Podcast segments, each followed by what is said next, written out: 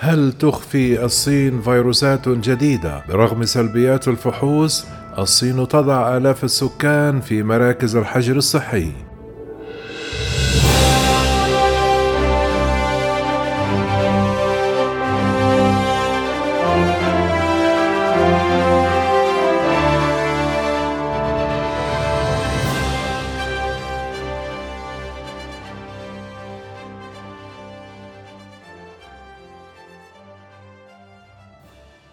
أرسل آلاف من سكان العاصمة الصينية بكين ليلة الجمعة السبت إلى مراكز حجر صحي بعد اكتشاف عدد قليل من الإصابات إذ بدأت العاصمة باتخاذ إجراءات أكثر تشددا لمكافحة كوفيد 19 على غرار شنغهاي التي ينتشر فيها الوباء. تواجه بكين حاليا أكبر انتشار للوباء منذ بدء الجائحة وأصابت المتحورة أوميكرون أكثر من 1300 شخص منذ أواخر نيسان إبريل المنصرم مما أدى إلى إغلاق مطاعم المدينة والمدارس والأماكن السياحية إلى أجل غير مسمى. كل هذه الإجراءات في سياق سياسة سفر كوفيد التي تنتهجها الصين وتثير استياء متناميا خصوصا أنها تشمل إغلاق شبه كامل للحدود مع تقليص الرحلات الجوية الدولية على عكس سياسة رفع القيود المعتمدة في غالبية أنحاء العالم.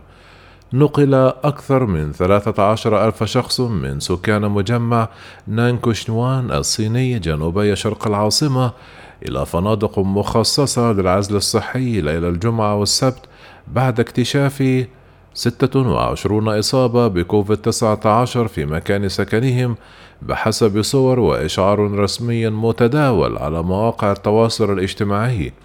جاء في بيان رسمي للسلطات الصحية في مقاطعة تشاو يونغ قرر الخبراء أن يخضع كل سكان ناكشونوان للحجر الصحي ابتداء من منتصف الليل الواحد والعشرون من مايو لسبعة أيام. كما أضاف البيان يرجى التعاون تحت طائلة تحمل عواقب قانونية.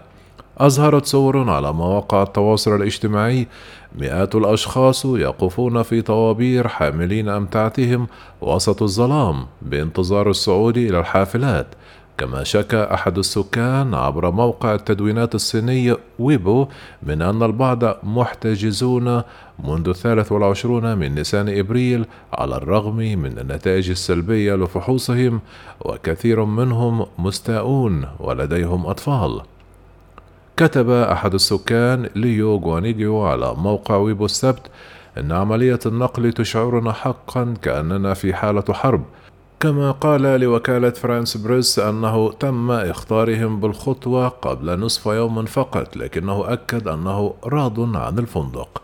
ووفق نقاشات على الموقع طلبت السلطات من السكان حزم أمتعتهم وأبلغتهم أن منازلهم ستعقم. كما تشهد مدينة شنغهاي شرق إغلاقا يشمل سكانها الخمسة وعشرون مليونا.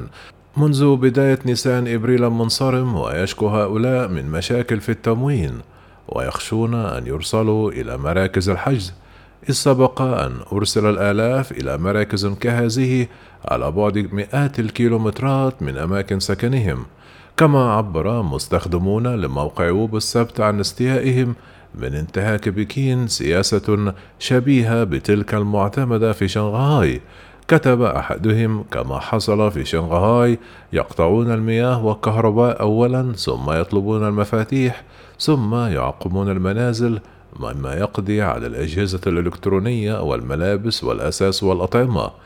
قالت سلطات مكافحة الأمراض في مقاطعة شاو يونغ لوكالة فرانس بريس إنها لا تنشر معلومات ودعت للاعتماد على المؤتمر الصحفي الذي عقدته سلطات بكين. ووسعت سلطات بكين نطاق العمل من المنزل السبت لإعطاء منطقة إضافية بعد يوم واحد من إيقاف غالبية خدمات الحافلات ومترو الأنفاق العامة.